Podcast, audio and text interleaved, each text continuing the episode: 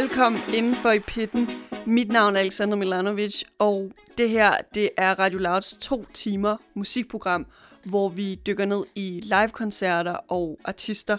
Men i den her uge, der vil jeg lave en øh, special, der er dedikeret til alle de fantastiske live-optrædener, jeg har oplevet det sidste års tid, hvor jeg har været øh, forrest i pitten, og ikke mindst hylde de personer, som har været med mig inde i pitten. Og vi kommer til at spænde øh, ret bredt, både musikmæssigt, festivalsmæssigt og venue-mæssigt. Vi skal forbi Distortion, Roskilde Festival, Bylarm Festivalen i Oslo. Vi skal forbi Robin, vi skal forbi Norske Brænden, vi skal forbi Princess Nokia. Jamen, det, bliver, det bliver virkelig bare en godtepose øh, de næste to timer. Og det sted, vi egentlig starter, det, det er selvfølgelig norsk. Øh, jeg har en øh, ret stor forkærlighed til øh, alt, der har med Norge at gøre. Og øh, jeg starter egentlig øh, med at øh, hive fat i min rigtig gode veninde Oda, som er nordmand. Og det skal lige siges, at den her samtale kommer til at foregå på engelsk. Jeg er ret god til norsk og øh, at forstå det, og de norske dialekter, men jeg tænker for din, din skyld, øh, jeg gør dig lige en tjeneste her, og gør sådan så, at samtalen den er på engelsk. Og Bylam Festivalen, det er en øh, lidt ligesom Spot Festival, øh, sådan et branche øh, musik øh, men der er selvfølgelig adgang til alle øh, alle dødelige på, på festivalen. Og den tager jeg til med øh, blandt andre Oda, fordi vi skal dække den med en podcast. So, uh, øh, Oda, you and I, we have a, a really like extensive uh, background together, but not to dwell too much on that. We have to dwell at um, perhaps the only music festival we have been to in 2020. It, it's sad, but but when I think about it, it's kind of like it makes I, I cherish those I cherish those memories even more. I don't know about you. Yeah, totally, and I'm just so happy that we actually made it to music festival in like February, and now like uh, I think most people will not have have the opportunity to go to a festival this year at all. So I'm just like super grateful. And the music festival that we are talking about here, that's uh, Bulam, uh, kind of like um, music uh, industry, but also open for how would you say like public or the normal person uh, in Oslo, and it takes place in end of February until like beginning of, of March. And it's like a really packed festival. You're kind of like running from venue to venue in the entire city of Oslo. It's it's cozy in that way. But um, you and I, we have seen a lot of concerts uh, throughout that festival this year, and we're gonna highlight some of them uh, where we have been in the front and really enjoying us ourselves. So, are you keen on uh, picking the first one, Oda? And uh, picking these uh, concerts was uh, not difficult at all. These just like sprung to mind. So the first one was by an artist named uh, Kaptein, or like the captain, I guess. And um, I didn't really like like his music, and I don't necessarily still do. But the concert was just amazing, like the craziest stage presence, and like yeah, he covered the entire uh, stage like twice a minute. Like he was just everywhere. And yeah, it had like kind of high production value as well. Yeah, it was amazing. Anyway, um, and his best song was uh, Mr. Fantastic, which, even though I don't necessarily like his music, I love that song. Everybody should go listen to it. To talk, uh, you know, talk about visuals during his uh, show in a in a radio program right now, it was it was kind of like seeing uh, Brockhampton, like their um, their outfits during concerts, but in a navy, because yeah, truly, like Brockhampton just sprung to mind immediately when we saw them. Yeah, because like the overalls and the like jumping, like sort of chore- choreography, and yeah, we were we were standing. Um, like yeah, in the front of this concert at the venue called uh, Centrum Scene, and at one point there is kind of like a a surprise element. Can you remember what that was, Oda? Oh yeah, I totally forgot. Oh, that was so smart because at the end of the concert, he uh, said that he'd made a mixtape on a CD and he wanted to share it. So he like tied the mixtape to the end of uh, like a fishing uh, line thing and he like threw it out into the audience. It was amazing. I'm kind of sad that we didn't catch it because fire mixtape. Am I right? Yeah, it must have been. It must have been. And now, after you know having seen um, that one Kaptein concert, uh, for us during the festival, we saw that Kaptein's gonna perform again at this uh, church venue, and we were like, okay, that stage presence, that concert at Centrum Scene, we have to see him again. So I think it was like the day after or two days after the first Kaptein concert we, we went to. We were like, okay, we're going to this church to see him again. And we went like up front again. And what happened there, Oda? We obviously had to see him twice because it was so amazing. But it was really funny because uh, the stage we had seen him at um, first was like a big scene with like different levels and stuff. But then uh, at, in this church, which, which is only used for concerts, it's not a like functioning church, but it's still shaped like a church. And the the other concerts we saw there was sort of like, uh, how should I say, it? like very. It was like a mood, like sort of ethereal. Uh, but uh, it was so fun to see Kaptein there because he was just like high energy and like dancing around, and yeah, uh, it, it was really great. You know, you're not being able to get a Kaptein fix.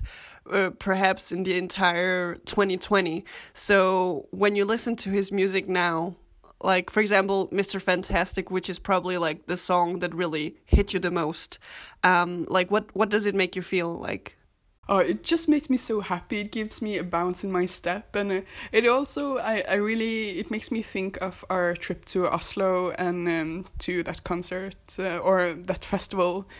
And uh, yeah it just makes me very happy. So for the listeners thinking now okay i really missed out on that leg- those two legendary Cup Titan concerts, and I haven't listened to his music yet.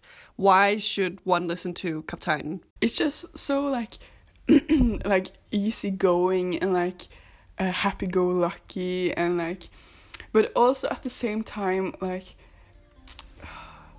I don't know how to say it, but it's just like it makes you happy basically. Just listen to it. Ja, hvis jeg er ringer, vil du henge da? Eller legger du bare på? Jeg sender meldinger du ikke får. For du har funnet deg en annen nå.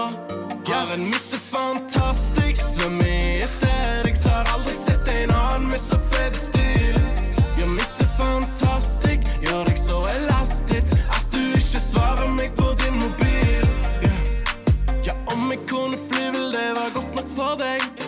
ønsker at du kikker av og til etter meg. Men jeg vet du har det bra med han andre. Og jeg håper dere alltid har hverandre. Jeg kan se hva du kan se. Han har vært i flere forskjellige land og oppfører seg alltid som han skal. Han har stålkontroll på livet sitt, er kritthvit av smilet sitt og klarer alltid huske hva du sa. Jeg er det svarte for i flokken og i jokeren i kortstokken. Jeg tror at jeg er god. Jeg kan skjønne at du strever med å leve med en drittunge som ikke fatter når du er fornøyd. Men nå håper jeg at du får det bra. Med en mann som vet hva du vil ha. Ja, hvis jeg ringer, vil du henge da? Eller legger du bare på? Har en Mr. Fantastic, svømmer i Aesthetics. Har aldri sett en annen med så fet stil. Jeg svarer mig på din mobil. Kontantkortet er fylt opp på Habbo Hotel Skal fantastisk taring med ud på middag i kveld. Jeg lager frossen pizza, men det blev nok ikke det samme. Fantastisk kan kan skjemme væk i dama Jeg får et varsel opp på skjermen, og jeg tror det er deg. Men kjenner jeg det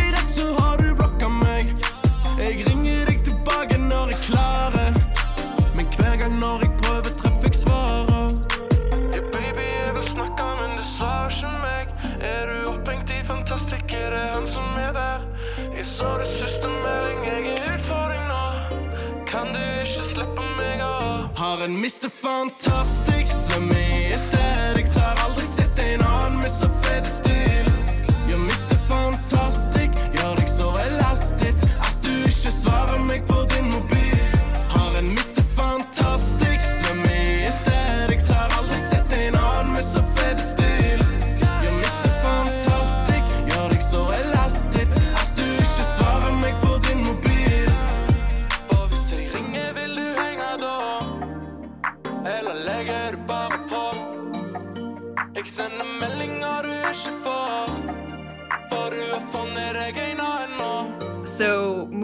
forward to another legendary um, Bulam concert from this year.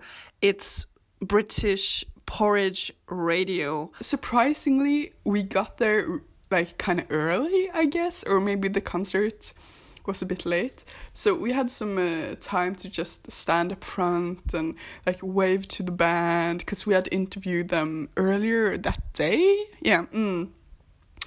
Uh, and yeah, uh, it was, but the concert in itself was amazing. Uh, just um, yeah, and I really really like their music. so definitely the the concert we saw, the band we saw. That's yeah, definitely catered to me, me as a group. Something uh, that really pops into my mind is that, um, for those not knowing, we interviewed uh, Porridge Radio earlier that day, and then during the evening when they had to play at Ingstels, we were up front, like literally, you you were almost like in their faces. Uh, yeah, we were almost it's on a- the stage and like waving it's and a- like hi. it's a very small uh, venue and it just made me think of like what like did you get uh, a different impression of the concert and the entire experience um, after kind of like getting to know them like before earlier that day? Totally, and uh, I think it was, uh, to be honest, Ingensteds was the venue I liked the most, because it was so like intimate, and the stage wasn't that uh, tall, and you were like right up to the stage, so it really felt like a sort of like a smaller concert or in more intimate, and I really like that, and I think their music really suits it. And uh, of course it was so great to see them live after getting to know them yeah. And right after the concert you actually bought some merch oda. What happened what happened there? I did and i've been wearing it ever since can you can you describe the merch you bought? Oh uh, it's a t-shirt. It's black with gold print and it's like a, a weird bird. Yeah. Absolutely. Very um, uh, it's it suits the music. And you're you're saying that um, you you have worn it almost ever since you, you came uh, back to Bergen from uh, Oslo. Um, what what does it make you feel like? Do you feel a deeper connection with the Porridge Radio music wearing it, or how does it make you feel? Yeah, because I actually get a lot of questions when I'm wearing it. People are like, "Por- Porridge Radio, what is that? And then I tell them about the amazing show. Uh, so, like, it, it, it really exemplifies uh, uh, the uh, geniusness of having merged because then people get to wear uh, the merch in uh, reminiscence of the great concert, but also spread the message of the band. For those that again weren't at the Bulam festival and they haven't seen Porridge Radio live before or listened to their music before, um, one could say that you are in love with Porridge Radio. But why should people care about them? it's just great music. like um, uh, like before with the captain. Like uh, he's a great artist. Uh, but I only like a couple of his songs, but with uh, Porridge Radio, I love all their all their songs. They're just uh, yeah, you you can like artists for different reasons. And if you had to recommend one song to start with for Porridge Radio Universe? What, which one should it be? Don't ask me to. I woke up, dog was gone. I walked around, I felt alone.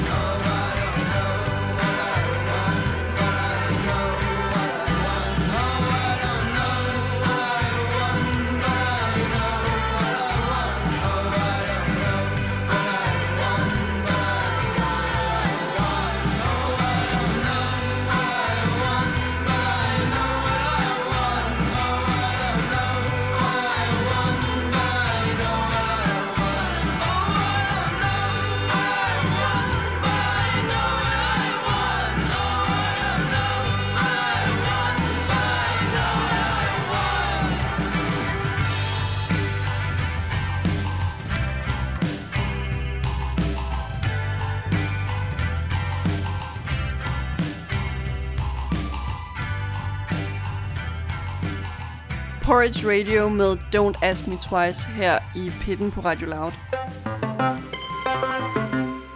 I dagens Pitten-udsendelse, der har vi en øh, lille special edition kørende. Øh, vi har ikke taget en øh, artist op og deres fan. I stedet for kigger vi tilbage på øh, de sidste års tid, og alle de koncerter, jeg, Alexander Milanovic, har været i pitten til. Ikke mindst øh, en hyldest til alle dem, jeg har været i pitten sammen med. Og lige nu er jeg i gang med at snakke med min rigtig gode veninde Oda, øh, en dejlig nordmand fra Bergen. Det specielle ved øh, de koncerter, vi har været sammen til i år, det er, at det nok er den øh, første og sidste festival, vi er på i 2020, og det er Bylam Festivalen i Oslo. Og nu slår jeg tilbage over i engelsk. And uh, the last uh, concert uh, you and I we're gonna discuss uh, Oda is still from uh, this year's Bylarm Festival, the only festival we'll probably go to this this year uh, because of Miss Rona. Yeah, because we usually go to uh, we usually go to Roskilde sammen, but that's not an option this year. So mm. So the last one is um, that artist is kind of um, interesting in in so many ways because he has been um, like winning award after award after award, and he hasn't been doing music for that long. I think it's only like two, three years or so. It's uh, Isa from Norway. So uh, we saw him at the Centrum stage, the same stage we saw Kaptajnen the first time at the Bylarm Festival. Take us, take us back to that moment, uh, Oda, when we saw uh, Isa. And I, I knew we had to see Isa because he had been everywhere in the media uh, last year. Uh, he had the most uh, played song on the radio, and yeah, like you said, award after award after award, like truly up and coming talent. Uh, but also like like like a pop icon, I guess.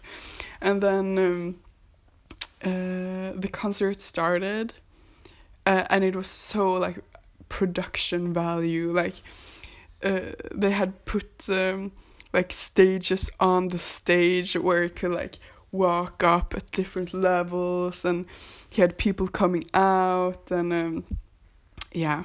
Uh, and then i just stood waiting and waiting for his like most popular song and then uh, uh, and uh, let's jump ahead in time because the next day I woke up and I uh, uh, thought of the night before and um, I thought of uh, the Isa concert and I was like, but why didn't he play his most played song? Like I can't remember. And then I talked to you, and you said that, like the minute he started playing uh, Hallo, uh, which is the song, I just like bolted for the door and was like, "Be right back, I gotta pee." so like the song I had waited for for like hours came and I just left. I was like, never mind. yeah, his uh, his um, like stage aesthetic they were quite extravagant like comparing to some of the artists the other artists set up at the at the festival which were quite like minimal because it's very like showcasing but there there was a big production value um behind his uh stage production.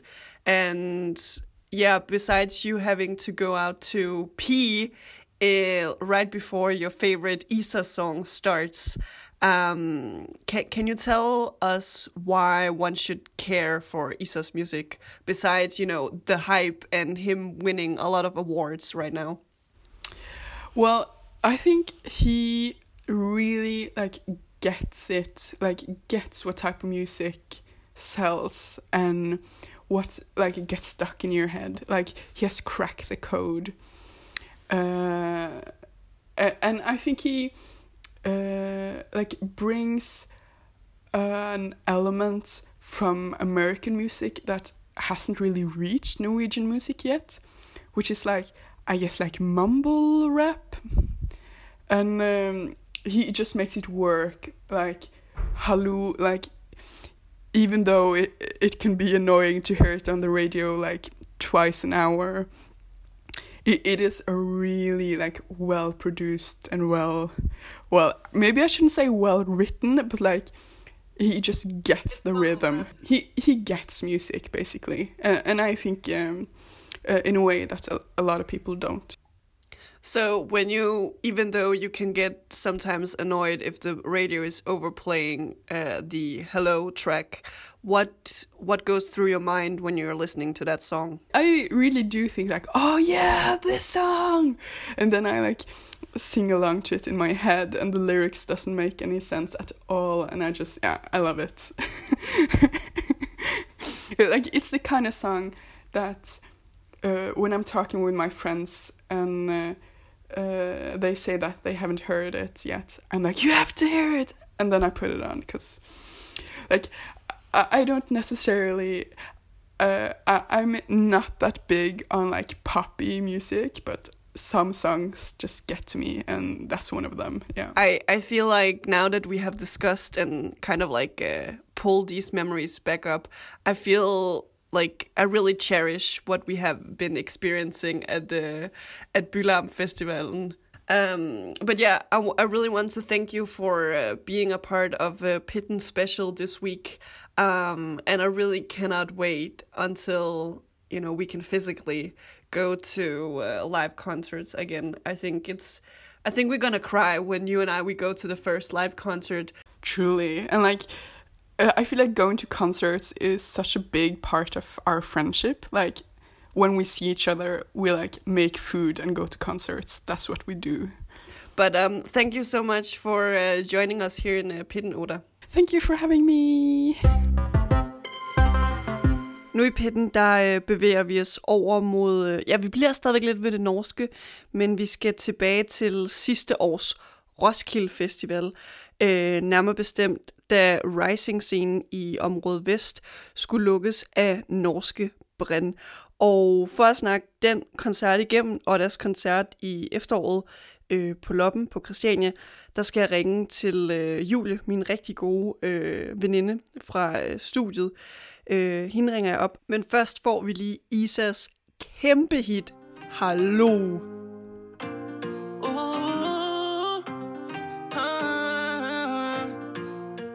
Shawty in love with this shit. Stack it with gas til det racks på min bitch. Bryg det shit op og på Gucci my jeans. Løb i 130 lille bitch for my dogs and this shit. Ja, hallo.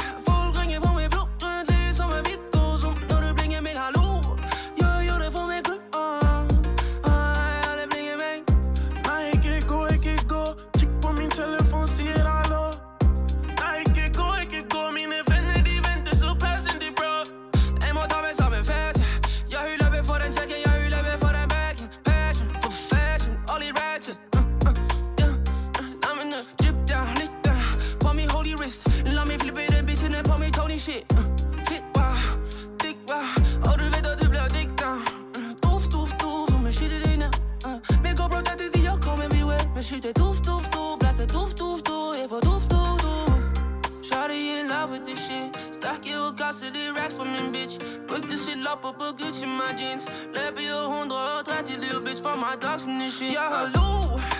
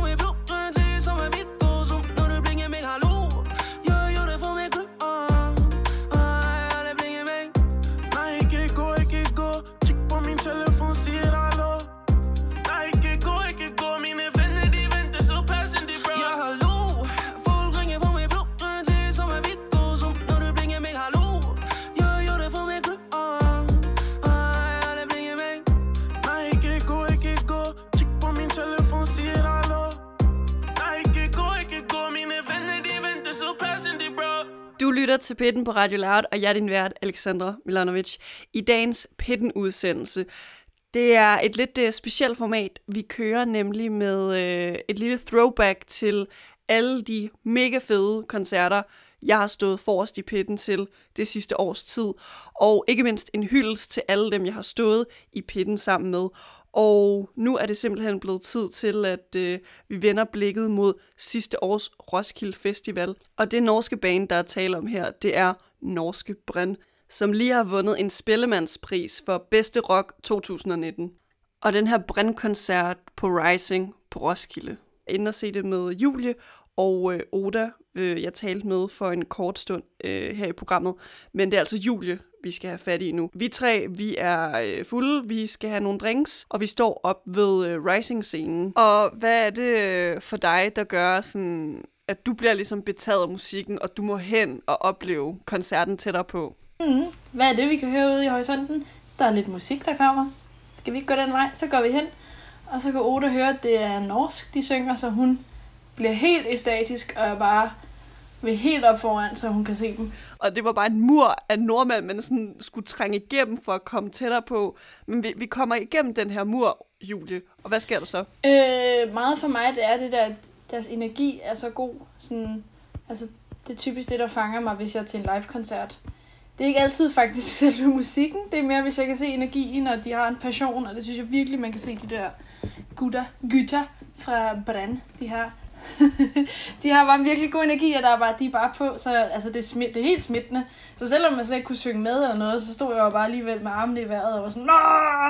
Men, men ikke desto mindre kan man, kan man jo på mange måder sige, at det var en legendarisk lukning af Rising-scenen med øh, Bren. Det føler jeg i hvert fald, det var, fordi at altså, energien var der, publikum var der, den der synergi og kommunikation mellem artist og øh, øh, hvad skal man sige, publikum, det var der også. Det var, det var virkelig bare high score ud fra alle, ud, alle kategorierne, kan man sige. Men øh, så slutter koncerten, øh, og det føles ret hurtigt for os, fordi vi netop kom midt i det hele. Og, og efter den koncert også, efter Roskilde, hvad, hvad brugte du ligesom uh, tiden på med, i forhold til sådan at kompensere for, at du ikke kunne se Brand live med det samme? Mm, bare snakke med jer om det. og se jer poste billeder af dem, eller ja. Ja, så jeg synes, jeg, jeg synes ikke, der gik lang tid før, at jeg så dem på Roskilde, til vi så dem øh, ude på Christiania. Det er rigtigt, Julie. Vi så dem øh, i oktober sidste år på Loppen, et spillested på øh, Christiania.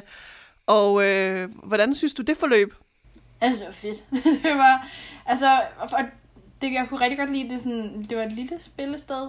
Altså, man var jo meget tæt, altså meget, meget tæt på. Jeg stod jo forrest med dig og de andre lige i starten. Og så blev energiniveauet måske lidt for højt for mig.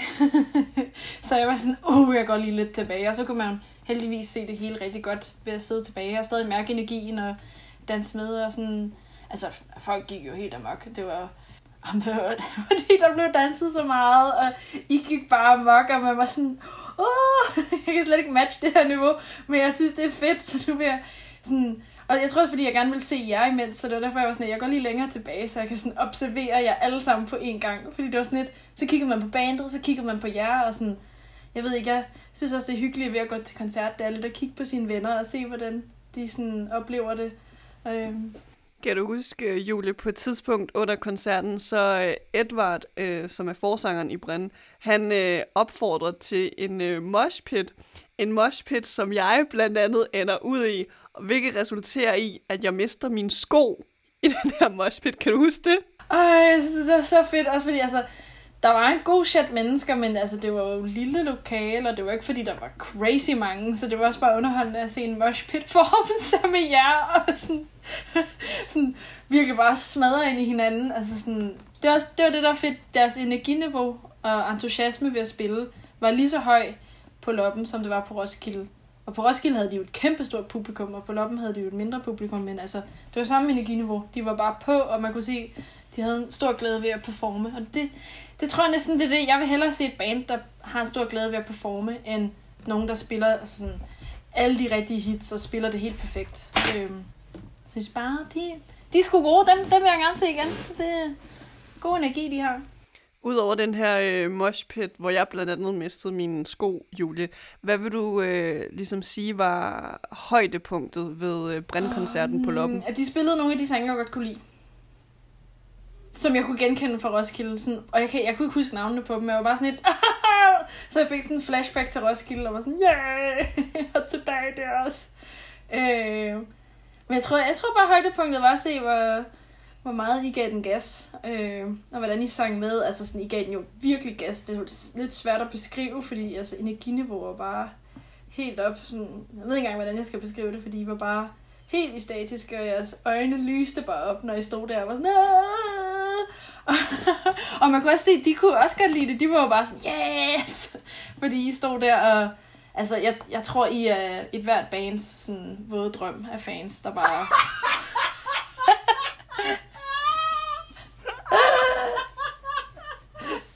ja, Altså, hvis jeg, var, hvis, hvis jeg var sanger, og jeg kiggede ned, og I stod der, så ville jeg bare sådan, havde jer, havde jer, fuck det. Der kunne bare være jer, og der kunne ikke være andre. Det ville være lige meget. Fordi I gav også så meget igen til dem. Altså sådan, det, det synes jeg også var noget andet, de er jo rigtig gode til, at få, altså få alle til at bevæge sig.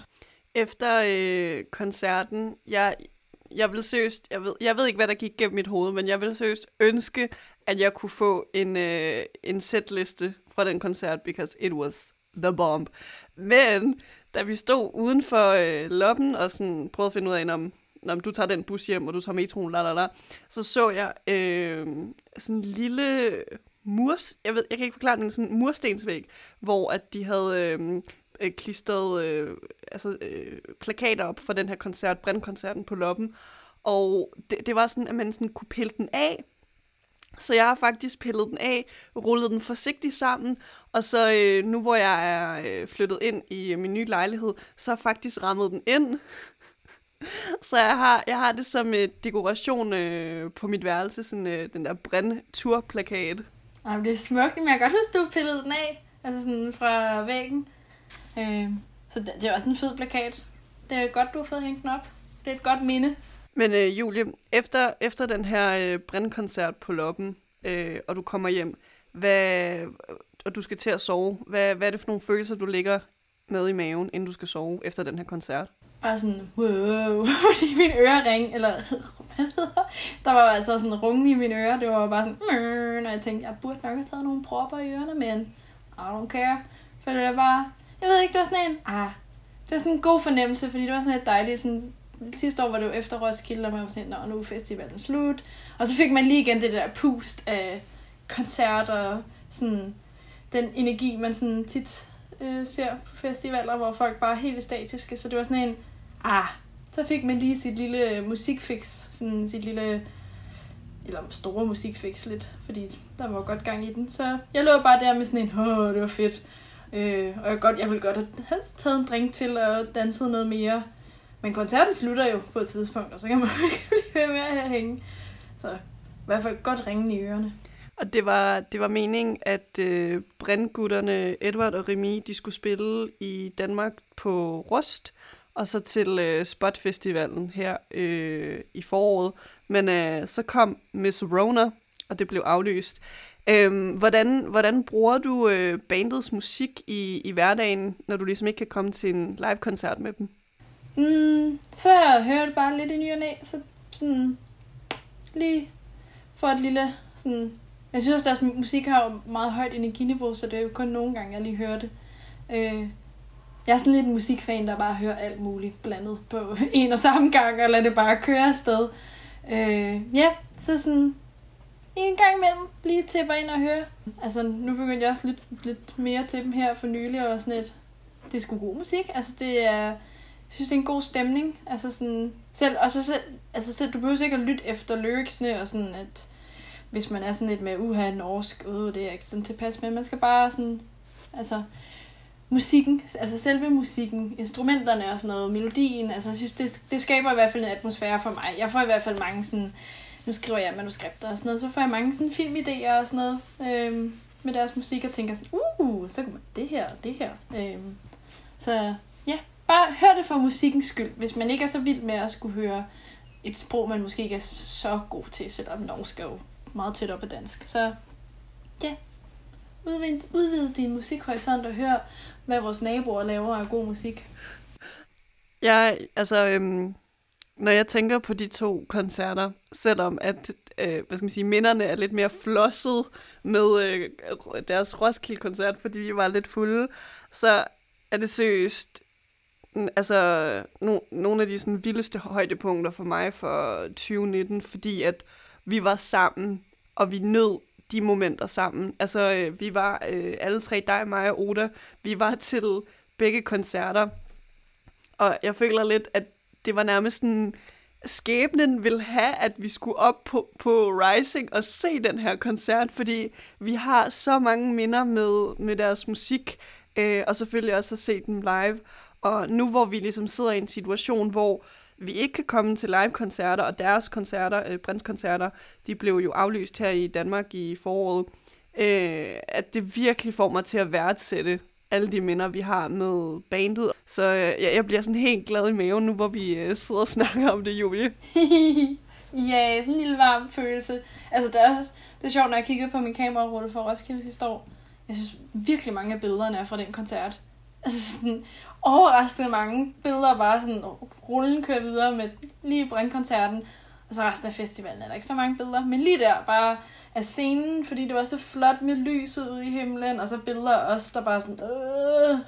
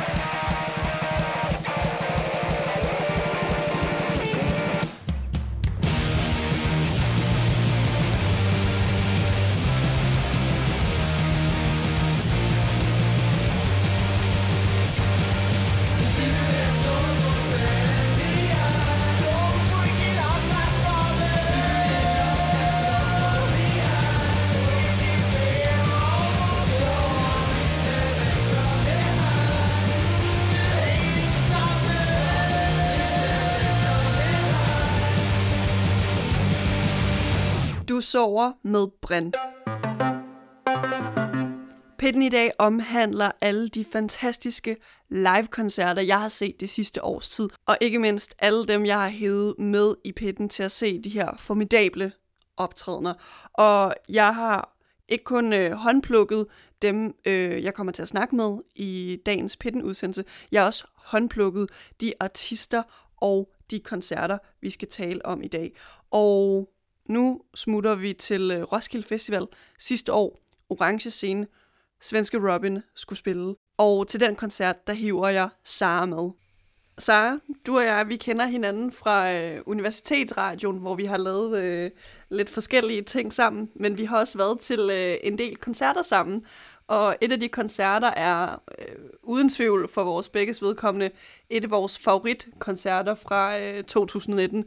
Det var på Roskilde med svenske Robin, og hun skulle spille på Orange Scene, og ved Orange Scene, der har de lavet sådan et, øh, hvad skal man sige, sådan øh, pit-armbånd-system, så man skal komme derhen klokken 9 om morgenen, stille sig i kø, få det her pit-armbånd, og så kan man komme senere for at komme ind i pitten. Men nu starter vi lige der tidligt om morgenen, klokken, ja, røvhul, for at sige det lige ud. Øh, hvor er du, og hvad skal der ske med det her armbånd, Sara? Øh, jamen, jeg øh, kom jo på en endagsbillet, så jeg tog tidligt afsted med toget fra København og var fast besluttet på, at jeg skulle stå i den her, som nok var lang kø til øh, pit armbånd til Robin. Øh, så jeg kommer ned på pladsen og prøver at finde frem til, til hvorhen den her kø er, og så kan jeg bare se indgangen ind til pladsen, hvor køen starter, og så kan jeg bare ikke se nogen ende på den her kø. og var sådan, nå okay, eller, så går jeg langs ned der, og så tænker bare, i det, altså i det jeg går forbi den der lange kø, tænker jeg bare, jeg får aldrig et armbånd. Fordi hvis alle de her mennesker skal have et armbånd, så kan jeg jo ikke også få et. Men, øh, og så ja, klokken 10, tror jeg det var, de åbnede ind til pladsen, og så skal man så ind og stå i kø derinde, og så begynder de så at lade folk få armbånd, og så kom jeg tættere og tættere på, at jeg kunne begynde at se de der øh, medarbejdere stå med pitarmbåndene og putte dem på folks hænder, og jeg tænkte, nu skulle det lige passe, at de så lukker sådan lige foran, eller et par mennesker foran. Men så kom jeg helt op og, øh, og fik armbånd på, og ja, sammen med dig, og kom løbende ud bagefter, fordi at nu havde man en time stået og tænkt det værste. Og vi når jo at komme i, i kø sammen, hvor vi venter på at komme ind til pitten til den her øh, Robin-koncert. Og når vi så kommer ind i den her forreste, allerforreste pit til øh, Orange Scene, vi får sådan en god plads sådan i midten. Jeg tror måske, der er, hvad er der, sådan syv rækker af mennesker foran os til scenen. Koncerten, koncerten går i gang, Sara. Hvad, hvilke følelser går igennem dig, da det sker?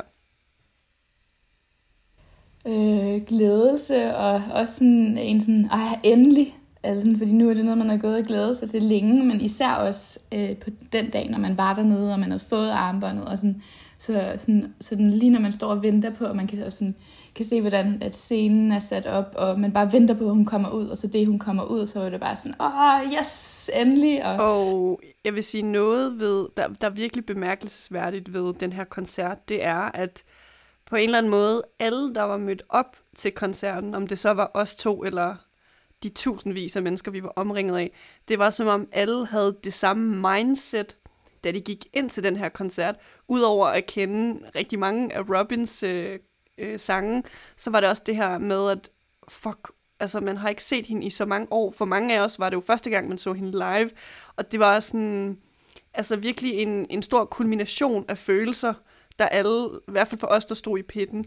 Øhm, men for dig, hvad var ligesom højdepunktet under koncerten? Øh, højdepunktet for mig, det var under øh, Dancing on My Own. Øh, det første omkvæd, som kommer der. Øh, sangen starter bare ud, som alle andre sange til en, en almindelig koncert med, at Robin synger den, og så da det første omkvæd kommer på, der øh, slukker, slukkes al musikken, og hun stopper med at synge, og så er der bare fællessang gangen 10.000.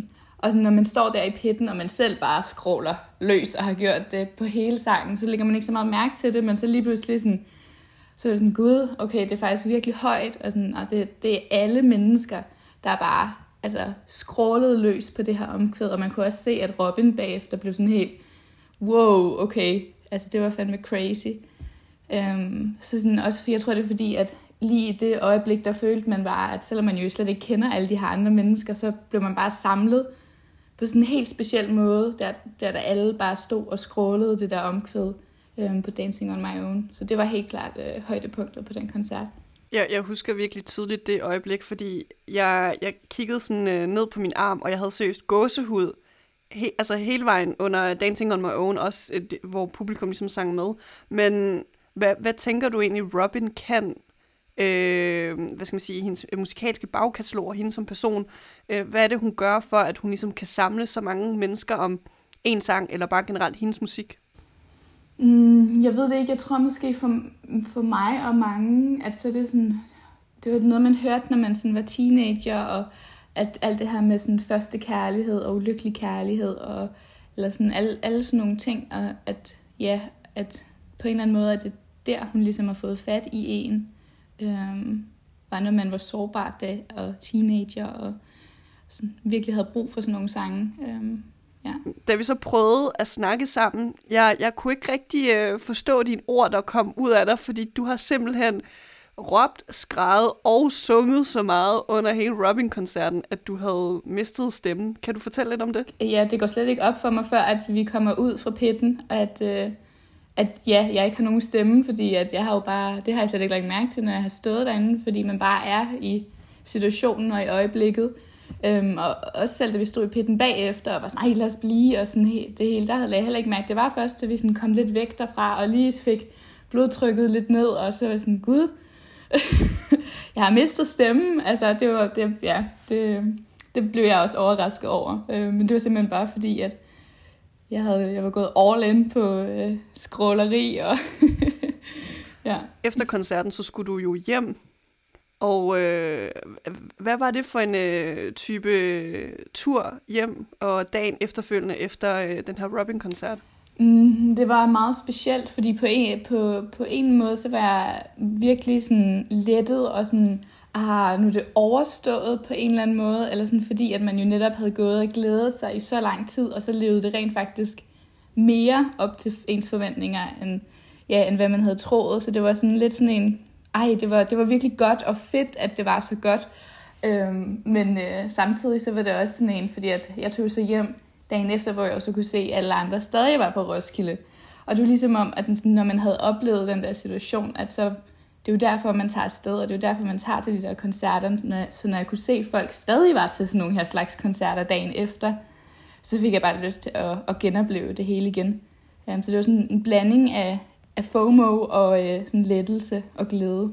Og der går nok øh, noget tid igen, før vi alle sammen kan tage til en øh, fysisk øh, Robin-koncert igen. Hvordan vil du sige, at du, øh, du bruger hendes musik til daglig?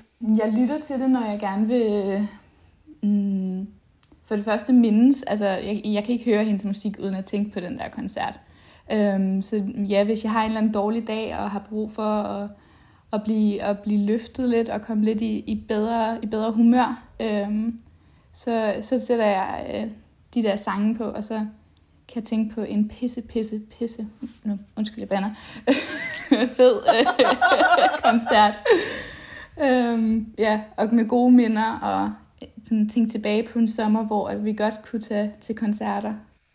Jamen, uh, Sara, du skal have tusind tak for at være en del af Pitten Special uh, udsendelse den her uge. Og jeg glæder mig seriøst til, at alt det her virus er forsvundet, og vi kan se uh, altså fysiske live-koncerter igen sammen. Ja, det glæder jeg mig også til. Du lytter til Pitten på Radio Loud, og jeg er din vært, Alexandra Milanovic. Denne uges Pitten sætter fokus på de allerbedste og vildeste koncerter, jeg har været i Pitten til det sidste års tid. En hyldest til de her fede live-koncerter, og ikke mindst alle de øh, skønne mennesker, jeg har været i Pitten sammen med. Der er stadigvæk en masse, masse fede koncerter, og ikke mindst koncertanekdoter. Og vi skal blandt andet også nørde setlister. Men aller, aller først skal vi høre Robins Between the Lines, og lige efter kommer der nyhederne. reading in between the lines. Every day you hit my phone up. Every time you Hit my phone up. it makes my heart jump.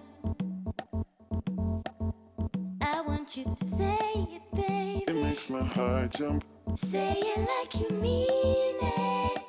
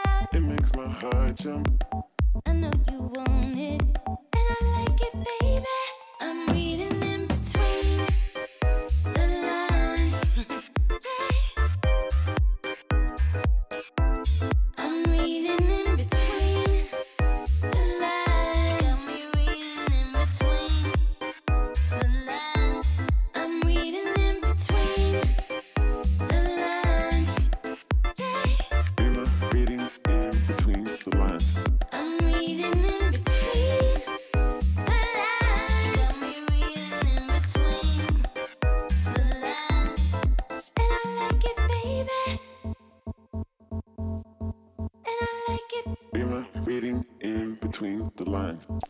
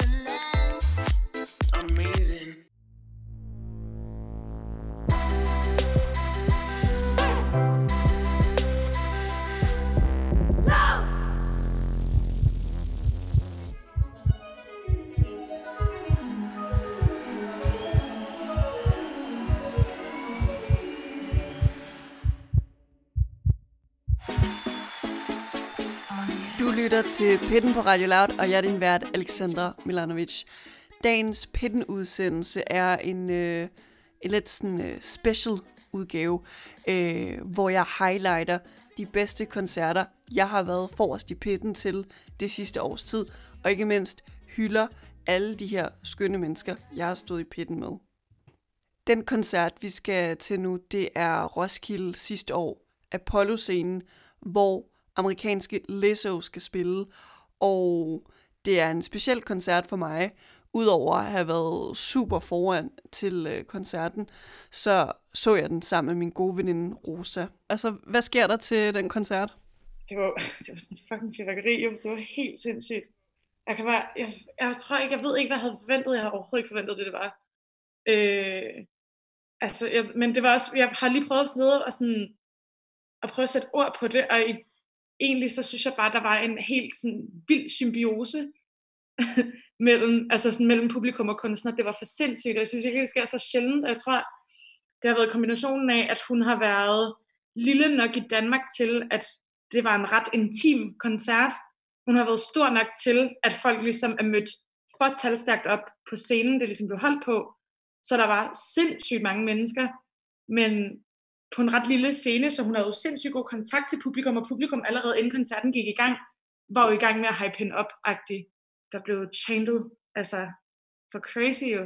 Øh, jeg kan altså sådan, jeg kan næsten ikke huske det, men det var virkelig, der var bare virkelig meget sådan råb og pift og larm, kan jeg bare huske, og sådan total ekstase, da hun kom ind på scenen. Og der blev sunget meget. Jeg kan bare huske, at der også blev sunget fra publikum, hvor, hvor hun går ud i sådan et eller andet sporadisk cover, fordi at publikum har tjekket, jeg kan ikke engang huske, hvilken sang, men så sådan lige pludselig, så ender hun med sådan, publikum synger et eller andet til hende, og så synger hun videre på det, og lige pludselig er vi lidt ude i et semi-cover af en eller anden sang, hvor hun er sådan, nå, ej, nå, lad os lige gå videre, eller sådan, der var virkelig meget spontanitet. Det var sygt. Jeg synes, det var vildt fedt, fordi hun var virkelig god til at bygge videre på det, hun fik. Og jeg tror, det der med sådan, publikum hypede hende, men hun hypede også publikum, så det sådan, der blev hele tiden tilføjet til den der sådan gryde af sådan fælles hype. Altså sådan, Vi, vi guidede nærmest hinanden op, altså publikum er lidt så. Ja, ja, præcis. Jamen, Helt vildt. Og det var også det, det, det er netop det, jeg mener med symbiose, at der var virkelig sådan, altså, hun gav føde til, til publikums sådan energi, men publikums energi gav også helt vildt meget til hende, og var også med til at gøre, at hun havde de der spontane øjeblikke med, med covers og med tilråb og med snak og sådan noget. At- Og man kunne virkelig godt mærke, synes jeg, at, øh, at det også var en oplevelse for hende. At det var noget andet, end hun havde regnet med, at noget andet, end hun havde oplevet. For, for mig helt klart ved den koncert, det var, da hun, øh, altså øh, sidste år med de koncerter, Lizzo lavede, så øh, hendes fløjte, det er ligesom overraskelsesmomentet under øh, koncerten. Og jeg havde set nogle videoer, inden jeg ligesom kom til den her Roskilde-koncert med Lizzo, og bare sådan virkelig krydset fingre for, at den kom. Og da jeg så så en af hendes backup-dansere sådan prøve at snige den ind, så jeg kan bare huske, at jeg skreg til dig, Rosa, og alle andre, der stod omkring og også, der er fløjten! Der er fløjten! Og alle var sådan, okay, gal mig det, gal mig det. Og så lige pludselig så stod bare der og fløjtede på den. Ej, det var altså peak moment. Jamen, jeg tror også bare sådan, egentlig var det også, jeg tror, jeg vidste ikke, hvad jeg skulle, jeg vidste ikke rigtigt, det var det, jeg skulle forvente, tror jeg, og det var en vild chok, og der stod folk omkring mig og kunne alle tekster og græd, og jeg, fik, jeg blev også selv mega rørt, øh, egentlig. Altså sådan samtidig med, at det bare var fucking sjovt, men jeg tror, at det var hyldende morsomt også. fordi der var sindssygt god pingpong. Det var ligesom at være på en, en god date, hvor sådan, snakken bare går sindssygt godt. Men det her, du siger med, at, øh, at du, blev, du blev rørt, og der var også ja. nogen, Ja. der stod og græd.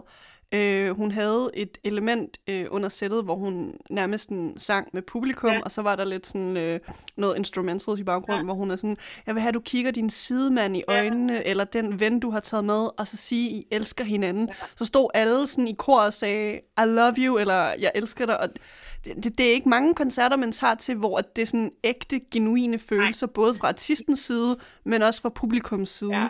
Også fordi, ja, fordi faren ved at lave den der i Danmark er, at det bliver for amerikansk. Altså sådan, der er vi lidt, det er vi lidt for kyniske til på en eller anden måde. Øh, at kunne tage det, så det bliver lidt for sådan føle-føle, og øh, men ja, det fungerede sgu der. Men jeg tror også, der var et eller andet i den der med sådan, at det også virkede, jeg tror, hun, det, hun delte også ret meget af sig selv, og sådan, og øh, ud af sine følelser, at det virkede rigtig, rigtig sådan ægte og ærligt. Der var, jeg tror bare også, at koncerten var meget ærlig på den måde, at sådan, det virkede som om, det var sådan genuine glæde og, og sådan ærlig benovelse over, at der var, altså selvom det nok ikke har været mange i forhold til koncerter i USA, så tror jeg så også, sådan, det der med, sådan, der var så mange på en forholdsvis lille scene, at stemningen var så god. Og øh, ja, det virkede bare meget øh, oprigtigt. Og også den, netop også den der med, sådan, hvor vi skulle dele sådan, okay, om kigge ind i dig selv og sige, du er god nok. Nej, endnu, det, I skal sige det bedre. Det skal være mere troværdigt. Og sådan noget. Og sådan, ja, det, altså, det passede ret godt ind i formatet, og jeg synes, det var på grænsen til, men blev ikke for fjollet. Men hvad så med øh, lige efter koncerten, Rosa? Man, man var stadigvæk sådan lidt høj på øh, det her øh, fløjteorgasme, man havde på af Lizzo. Hvad, hvordan havde du det inde i efter? Åh, jeg havde det virkelig, virkelig godt. Jeg tror bare, jeg var mega glad. Altså sådan, jeg tror også, jeg var, jeg var sådan også træt på en eller anden god måde, fordi der var, man havde brugt så meget energi, ikke? Men sådan, det var totalt positiv energi, og jeg synes, man havde fået så meget ud af det. Øh, jeg tror bare, jeg var overvældet også. Det var virkelig sådan, det var lige en oplevelse, der jeg lige skulle sådan sunde mig over på en eller anden måde, eller den skulle lige synke ind. Det var vildt fedt. Jeg, var, jeg tror bare sådan, jeg gik lidt rundt i en, sådan en semi-ekstase resten af dagen. Jamen, altså sådan, jeg havde virkelig ondt af folk, der bare ikke var taget til den. Jeg kendte folk, som var sådan, nah, og så var jeg ikke taget til den, og jeg var bare sådan, det er bare dagens fejl, det der Roskildes fejl. Det var helt sindssygt. Jeg tror, ja, det var, en, øh, det var fandme både godt for krop og sjæl. den der koncert, hvordan havde du det? Ja, altså jeg, jeg, jeg svævede nærmest på en, på en sky. Altså det, det var på en eller anden måde sådan helt surrealistisk, fordi for, for mig havde jeg nærmest fået opfyldt de forventninger, jeg havde til koncerten. Altså alle de der snippets, jeg havde set mm-hmm. på Instagram fra hendes øh, Ja. koncerter øh, i USA, hvor hun nemlig hiver den her fløjte frem. Hun, hun lavede også det trick til, hvad er det, um, American Music Awards, tror jeg, øh, i den der brudekjole, øh, mens hun twerkede. Altså, det er noget af det vildeste, jeg har set i 2019, så jeg var meget glad. Jeg tror også, ja, men jeg tror også, og så hele det der med, at det bare er en sådan, altså alt det, hun symboliserer, at hun bare er sådan en fucking big ass woman, der bare kommer og sådan bare er. Og det er, jeg, var, jeg, jeg ser også bare sindssygt meget op til hende. Jeg synes, hun er så fucking sej, og jeg synes virkelig, hun, altså uden at det bliver for budskabsagtigt, så er hun, hun er et budskab i sig selv, også bare på sådan, altså man fucking bare lever livet. Og det gør hun, og, sådan, og jeg synes, det var sygt inspirerende, og meget, meget sådan opløftende. Jeg hørte hende virkelig meget den sommer. Hvad med så nu, Rosa, der er gået, der er gået et år siden den her øh, Roskilde-koncert med Lizzo. Hvordan bruger du hendes musik i dagligdagen nu? det er lidt forskelligt. Hun er, altså med min musik, så er der også meget, ting ryger hurtigt ind og ud, og så ind igen senere, eller sådan, fordi jeg så får hørt ting lidt for intenst meget i en periode. Så jeg hører det faktisk ikke, jeg hører ikke så tit lige nu, men det er helt klart sådan noget feel good musik. Og sådan, hvis jeg lige skal gøre mig klar til dagen, eller til en fest, eller et eller andet, så er det lige sådan, put Gutters had på, eller Jerome and fucking banger også, ikke? Altså, der er, der er nogen, som bare lige sådan, som er rigtig gode til forskellige moods. Øh, hvor sådan er, og juice, hvis man lige skal sådan i partyhumør, eller et eller andet, ikke? Og lige sådan, eller, ja, jeg synes, altså, ja, enten hvis man er i godt humør, og bare har brug for at have viben kørende, eller hvis man skal i godt humør, eller sådan, lige skal i gang, og afhæ- ja, og nogle gange så er det også mere sådan musikken, der fylder noget, og så er det bare sådan rytmen, og andre gange så er det også teksterne, hvor det sådan lytter virkelig til, til ordene. og Sådan, ja. Og hvis man, hvis man sidder nu, Rosa, og tænker, jeg, for det første, jeg var ikke med til den der Roskilde-koncert med Lizzo, eller jeg har aldrig hørt Lizzos musik. Hvor, hvorfor, øh, hvorfor vil du anbefale, at man overhovedet lytter til Lizzo? Øh, jeg vil anbefale det, et, fordi det er bare sindssygt god pop, synes jeg.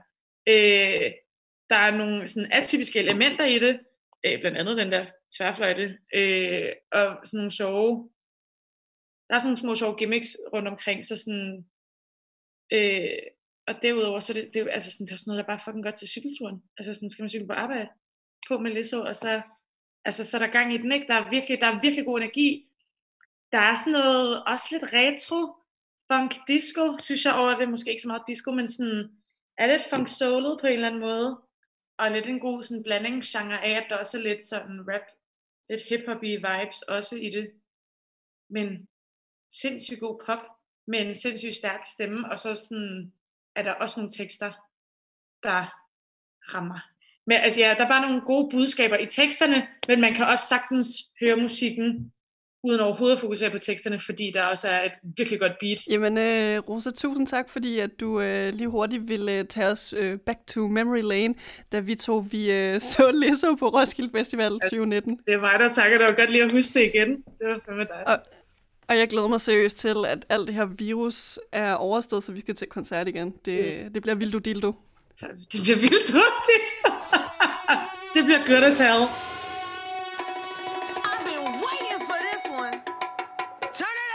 Slow songs, they for skinny hoes. Can't move all of this here to one of those. I'm a thick bitch, I need tempo. Fuck it up to the tempo. Pity pat, pity pat, pity pity pat. Look at my ass, it's fitty fitty fat. Kitty cat, kitty cat, kitty kitty cat. Pour me a glass, boy, I like my water wet. Throw it back. Catch that. I need a jack for all of this ass, but it won't go flat. Baby, baby, some of this cake. He look like he could gain a little weight. Lick the icing off, put the rest in your face. Slow songs, they for skinny hoes. Can't move all of this here to one of those. I'm a thick bitch, I need tempo. Fuck it up to the tempo. Fuck it up to the tempo. Fuck it up to the tempo.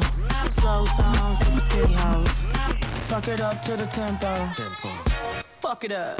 Fuck it up. Boyfriend watching. Oh, now you wanna knuckle up. Get on this ride, baby. You gon' have to buckle up. Thick thighs, save lives. Call me little buttercup. All means necessary. My ass is not an accessory. Yeah, I said it. Accessory.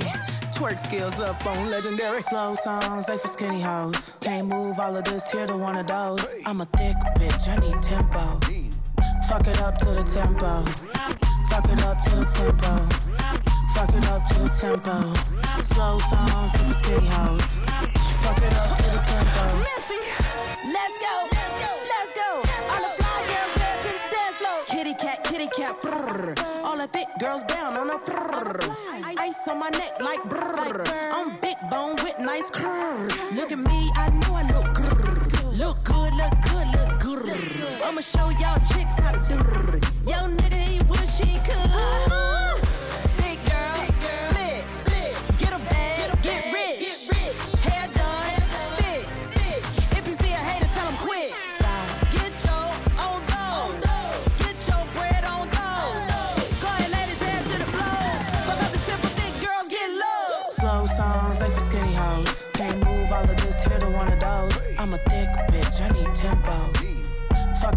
The tempo.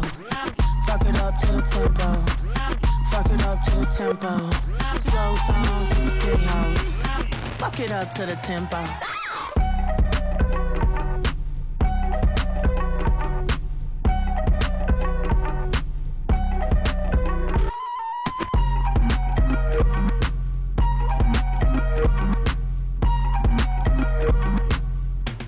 Girl, run that shit back.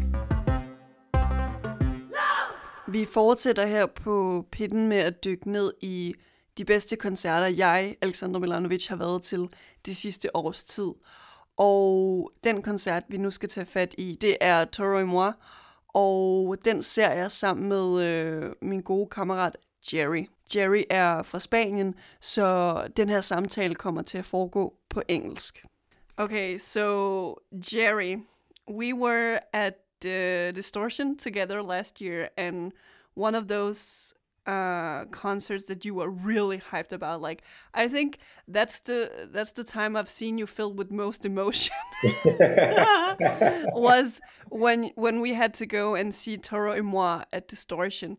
It was at the Vesterbro, the Red Bull music stage, and we got up front.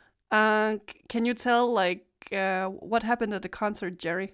Um, we were just front row. I think there were a group of people in front of us, and yeah, expecting uh, Chaz to come out and his and his band members. And when it did, same feeling as the first time I saw him. I mean, there only be four, been four days between the first time I saw him and the second time I saw him again. So I still have those goosebumps of you know witnessing one of my favorite artists, like I don't know, two three meters away from me. That was very very very.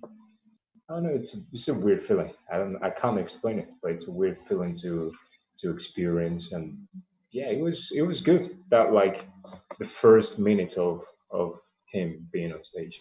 And that Toro et moi concert was my first time ever seeing him. And because there were so many at this stage uh, watching him, I remember you and I, we were like almost like glued together, like side by side, side. And I think Toro maybe didn't expect the crowd at the the stage as like what happened. Um, it you know people going to distortion. It's like teenagers and young people just being out, uh, being rude, being really drunk, taking a lot of drugs, maybe for the first time. Um, can you can you elaborate, Jerry, from your memory? Like, what was the crowd like? I would say they were just there for the sake of of being uh, a distortion. I would say they were just there. You know, those people that go to events and they're just hanging around. They're not really there for the for the sake of the music, but rather the party itself. So I think that was that was shocking I would say compared to other places might have uh, performed, which I have no idea. But I'm just assuming stuff. And yeah, when the concert started, I, I noticed like not so many people were singing along to his songs, so that made me realize maybe they didn't really know who he was, and they were expecting somebody else afterwards. Like they were more excited about someone else. I remember like we were vibing really hard over seeing Toro moi, and at one point while he's playing freelance, there is that instrumental part like.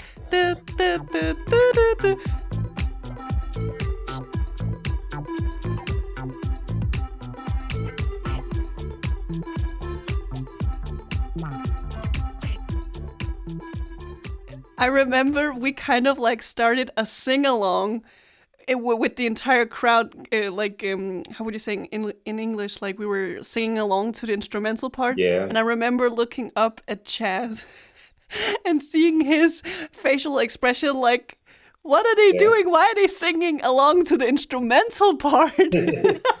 seriously. But I think it was a nice way of singing along to a song, and it, it sounded more like a football chant, something you hear at massive stadiums and stuff, rather than something you hear at concerts.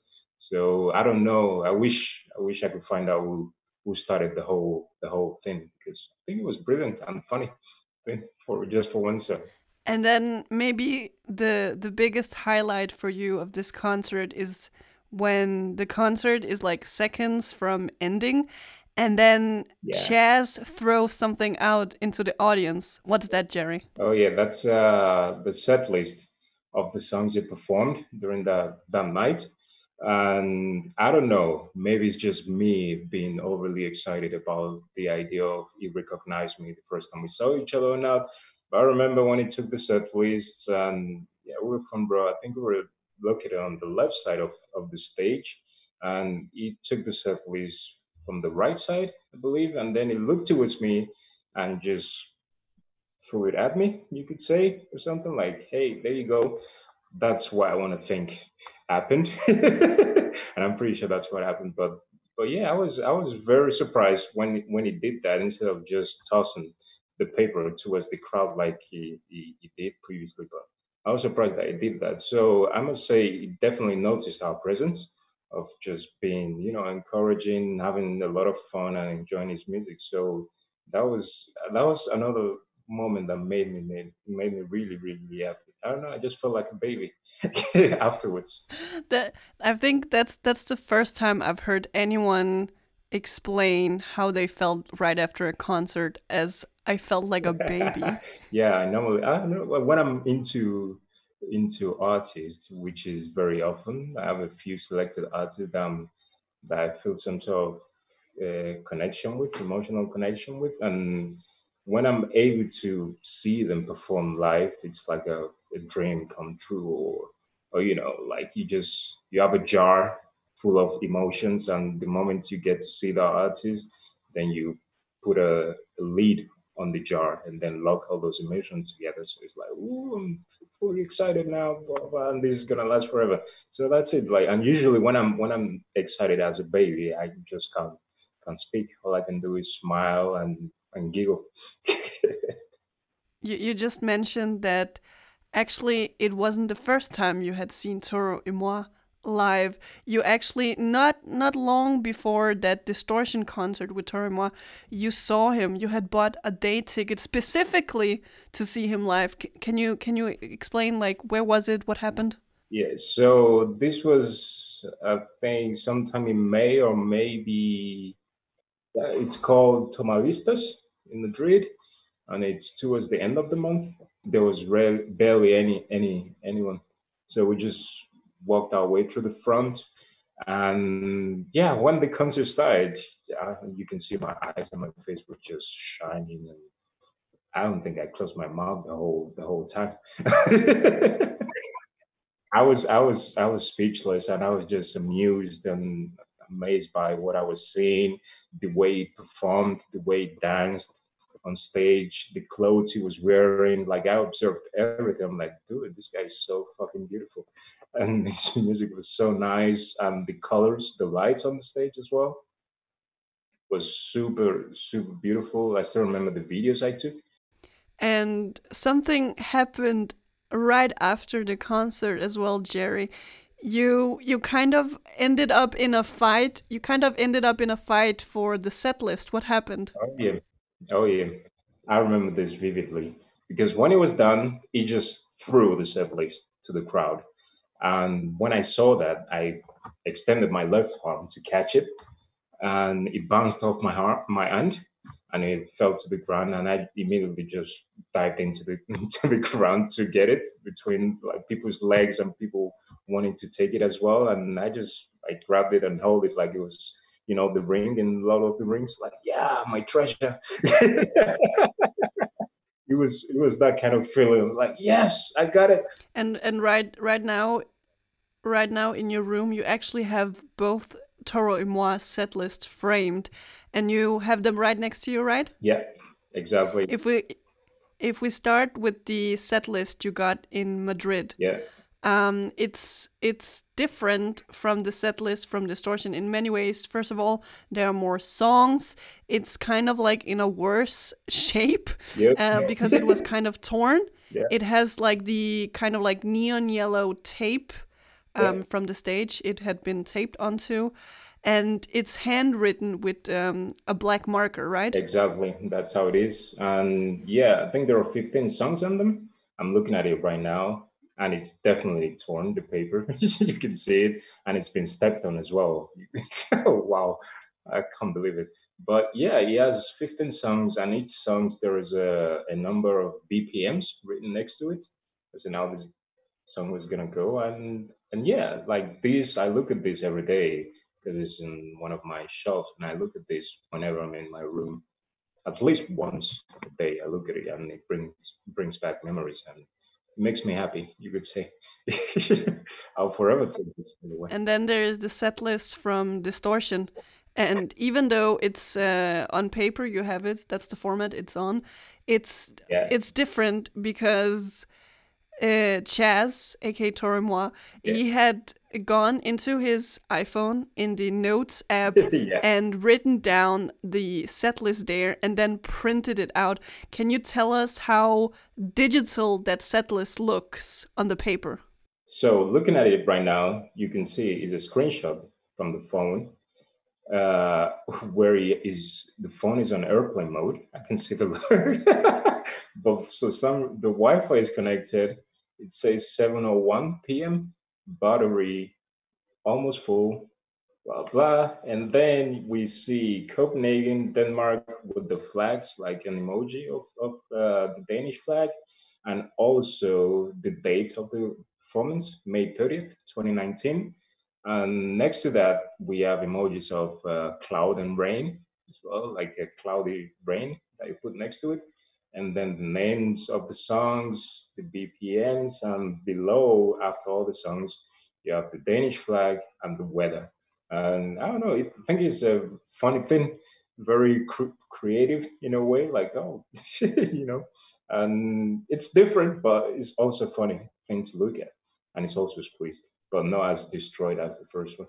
The first one definitely has uh, more value to me. And the second one, it was just, uh, yeah, excess.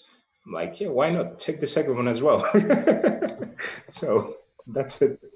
But but it's funny to me that you're mentioning that the first one, the the first Torimois set list that you got um, in Madrid, it's it's the one with most value, maybe also m- most meaning Yeah. for you. And then the second one, it was kind of like a luxury, almost kind of like bragging. Yeah, I got the set list again. but Yep. having having them in your room and looking at them every day, what what does it make you feel like? Well, the the second one, for instance, uh, it's by the window, so all the neighbors can see it if they're using their binoculars to look at me or something. And the other one is right on my shelf everything else. And when I look at them, yeah, it's like having a flashback of a good moment. It's like I can have a full picture of how it how it was, and the emotional connection. I would say it's just satisfying. if you have to give the listeners tips and tricks for when Corona is over and we can all go to physical concerts and grab some set lists, what are your tips and tricks to get them? But for me, I would say first and foremost, the artist shouldn't be too big. And the second tip would be try to be front row if you're really passionate about about an artist and his music. Try to be front row, and afterwards, when the concert is over, try to stick around if you're allowed to by the concert venue and the people and the staff. And at some point, you can either ask the the staff for for the set list. It also gives you the chance to have a conversation with with the artist because at some point they get back to stage and, and start packing their things, and that allows you to actually interact with them and see them as a human being and that they're just like you, you know, because then they're like, oh, thanks guys for coming. We appreciate you and this and that. And I know they say that to everyone, but it feels nice hearing that.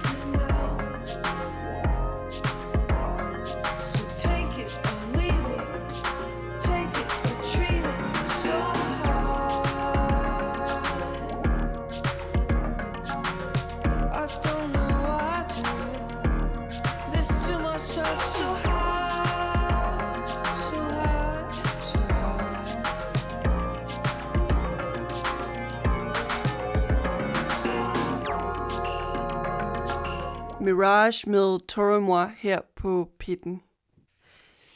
Øh, Amanda, du er øh, den sidste gæst, måske også den fornemmeste øh, gæst øh, til den her Pitten special, vi har kørende i denne uge, øh, hvor jeg trækker alle mine øh, gode venner og kammerater ind i, øh, ja nu er det virtuelt på grund af corona, men øh, i hvert fald for at diskutere alle de fede koncerter, jeg har været i Pitten til, sammen med jer det sidste års tid. Og der er nogle øh, særlige koncerter, vi har været til, Amanda. Og det skal lige siges for, for lytterne, at vi, vi har sådan en god tradition med, at vi tager til koncerter sammen. Det er ligesom vores ting. Vi, vi drikker noget vin sammen, og så efterfølgende tager vi til øh, en eller anden vild koncert. Og den første koncert, vi skal diskutere, øh, som har været måske øh, koncertmæssigt øh, højdepunktet for i år, Kim Petras i Vega i januar. Hvad, hvad var der specielt ved den, Amanda? Det var, det var dengang, vi havde en podcast sammen jo. Så vi var jo inde og interviewe hende her, Kim Petras her. Øh, så det var jo det var lidt det vilde ved det. Vi fik lov, lov at møde hende, inden vi fik lov til at se hende optræde. Og dit outfit, det var så specielt den dag, at hun faktisk øh, kommenterer på det backstage, mens vi øh, interviewer hende. Hvad, hvad er det, hun siger til dit outfit, Amanda? Jeg har selvfølgelig læst mig frem til, at øh, Kim, Pe- Kim Petras er helt vild med Cher, blandt andet. Så jeg har taget min Cher t-shirt på, og så stylet det, som jeg nu vil style det. Øh, I håber om, at hun selvfølgelig vil synes, det er mega nice, at jeg, har at jeg også godt kan lide Cher, så vi har noget til fælles. Øh, så ja, det var mit specielle outfit, som hun så heldigvis også kommentere på, jo. Men øh, altså, det er uden tvivl en virkelig speciel øh, mulighed og situation, vi to kommer i. Altså, vi, vi interviewer hende inden hendes koncert. Øh, vi får endda også krammet hende, og så tager vi øh, ind i Lille Vega-venuet øh, for at se hende live. H- hvordan havde du det med, okay, nu, nu lige om et par minutter, så går hun live, og jeg har lige snakket med hende, og jeg har krammet hende. Hvordan var den oplevelse for dig? Det var sådan, først var jeg bange for, at det ville blive sådan lidt akavet, fordi at det er sådan lidt, nu har vi lige stået og snakket frem og været i øjenhøjde sammen, og jeg har stået der og været sådan helt øh, fangirl og du har komplimenteret min trøje to gange. øh, så, altså, men så da Sam gik på scenen, så var der slet ikke noget akavethed i det. Altså, det var bare, hun var, hun var så popstar, og så glad og smilende, og det var den vildeste følelse at tænke, altså nu har jeg set, jeg har set dig i øjnene og set, at du bare, altså, tænker, at et helt normalt menneske basically kan bare lave så fed musik og lave sådan en mega nice performance. Og inden vi øh, skal diskutere den her Kim Petras koncert, så altså opvarmning, den var jo sublim. Øh, altså så sublim og fantastisk, at vi, altså, vi, vi var altså helt våde af sved 10 minutter inden under opvarmning, som blev leveret af DJ'en Alex Chapman, som også er Kim Petras øh, virkelig gode ven. Men hvad, hvorfor fungerede det DJ-sæt så godt som opvarmning, Amanda? Jeg har jo et par gange oplevet DJ's til, som opvarmningskoncerter, og altid følt lidt, at det var sådan lidt, oh, okay, I kunne ikke lige finde nogle kunstnere, I gad have på, eller sådan. Det var lidt det der bare at få ind til at spille nogle musik, nogle sange, der lige matchede lidt. Men det, der er med Alex Chapman, det var, at han, han var... Altså, han havde virkelig meget humor samtidig, og de sange, han spillede, det var bare... Man vidste bare, at det var nogen, Kim Petras også havde på en playlist derhjemme. Og det var bare all the bangers. Det var, det, det var bare mega grineren. Altså, det føltes som om, man var på til sådan noget, hvad hedder det, sodavandsfest, som øh, 12-årig, og bare havde den vildeste fest.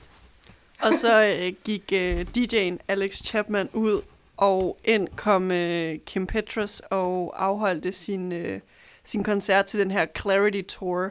Um, når du tænker tilbage på Kim Petras-koncerten øh, i Vega, hvordan stikker den så ud? Man var meget tæt på, altså det var meget på, selvom hun var mega popstar, og selvom hun havde alle de rigtige popstar ting, man skulle have, og hun bare levede den vildeste popidol øh, performance, så var det stadig rimelig mega intimt, fordi vi var i sådan en lille sal sammen med hende. Så hun leverede bare på alle punkter. Altså hun kunne synge så godt. Altså selvom hun, øh, hun har rigtig mange sange, hvor der er noget, nogle sjove lyde og autotune, hvor det var med. Men hun kan bare hun kan synge så godt. Det er jo helt sindssygt, altså. Og så samtidig med, at hun bare spinner rundt på et eller andet podie med 10.000 lys på hende, og så hopper hun ud, og så har hun lige skiftet hele sit outfit ud.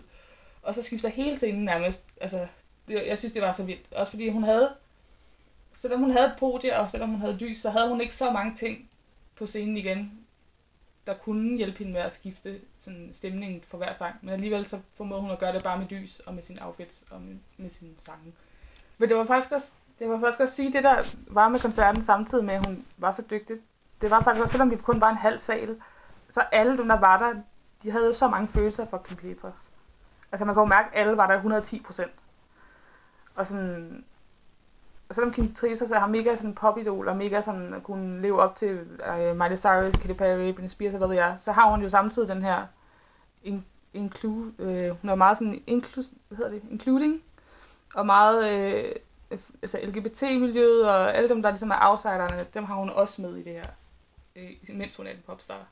Og det kunne man også godt mærke, selvom det kun var en halv sal. Og desværre så slutter koncerten jo øh, på et tidspunkt, og vi går ned af, af trapperne og skal til at forlade Vega-bygningen, Amanda. Men øh, der sker så noget. Du, du får kontakt med en vagt, og hvad sker der så? Ja, altså vi er jo, vi er jo så simpelthen på vej ud, og så den her vagt er i gang med at tage det her skilt ned, der står, ligger, der står uden for en døren, hvor at der står, hvad for en koncert, der spiller i aften.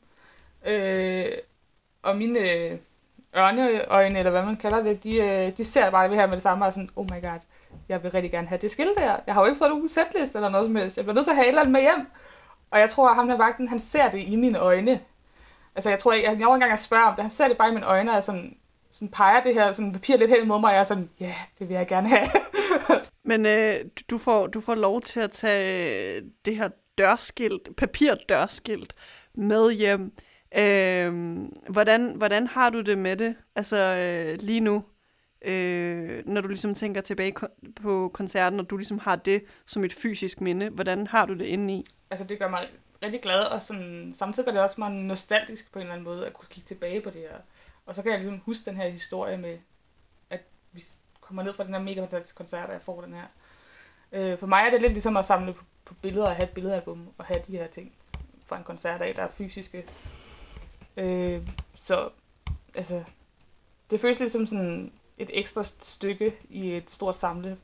Sådan, ligesom hvis man samler på, sam, på samleobjekter. Det føles lidt som om, jeg har fået den her unikke stykke ting til min samling.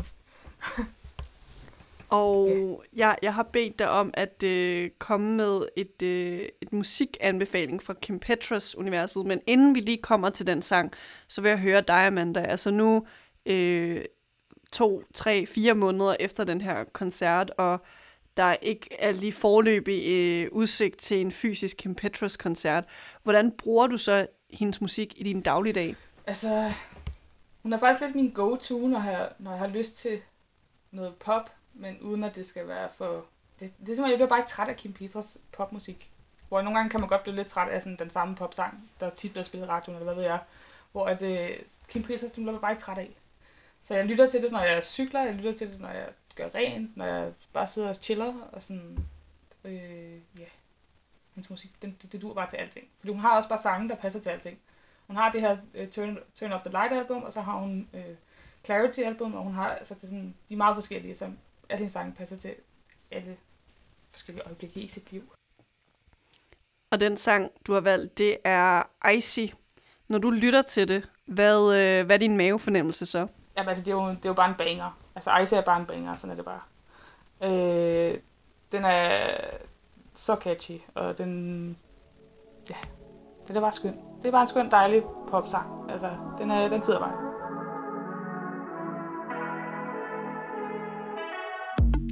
Never love nobody harder.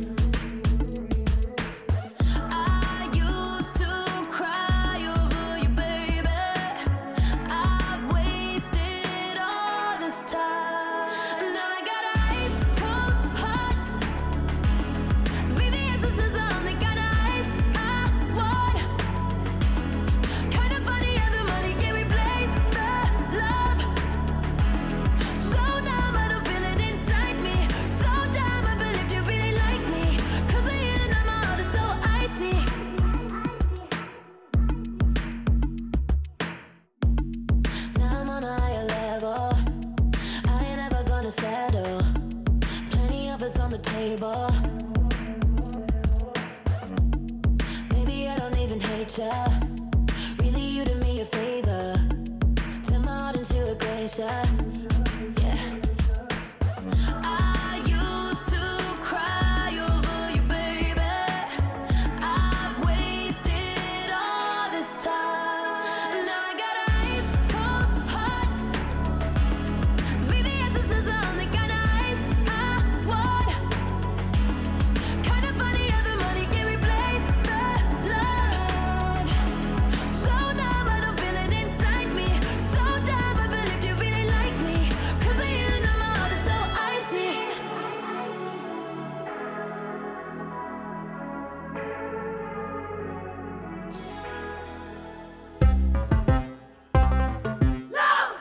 Snakker nemlig om de bedste øh, live-koncerter, jeg har været til det sidste års tid, og alle de personer, jeg har haft med i pitten. Og lige nu, der snakker jeg med øh, dig, Amanda, og øh, vi, vi har nu snakket om øh, Kim Petras, som vi så sammen i, januar. Og nu skal vi til øh, faktisk den sidste koncert, vi når at være sammen til, inden øh, corona bryder ud og umuliggør fysiske live-koncerter. Det er Princess Nokia 9. marts i, øh, i Pumpehuset. Men inden vi faktisk skal, lidt ligesom med Kim Petras, der var nemlig en sindssyg fed opvarmning til koncerten. Så Amanda, please take it away. Hvad skete der til opvarmning? Der kommer altså den her kvinde ind på scenen, og hvis der er noget, jeg sætter pris på, så er det et mega lækkert outfit, og hun har jo bare den fedeste kædedragt på, i blå, hvid og rød.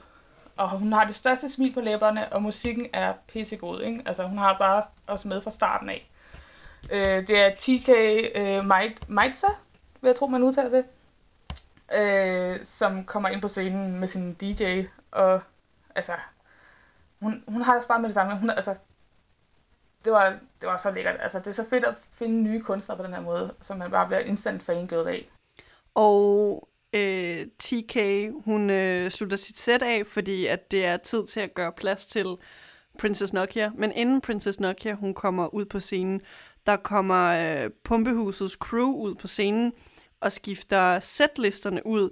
Og i det, de ligesom øh, skifter setlisterne ud, der spørger de øh, nogen fra crowdet, om de vil have TK's setliste. Men hvad gør du der, Amanda? Ja, men det der er faktisk, er, at jeg får faktisk ikke den her setliste til at starte med.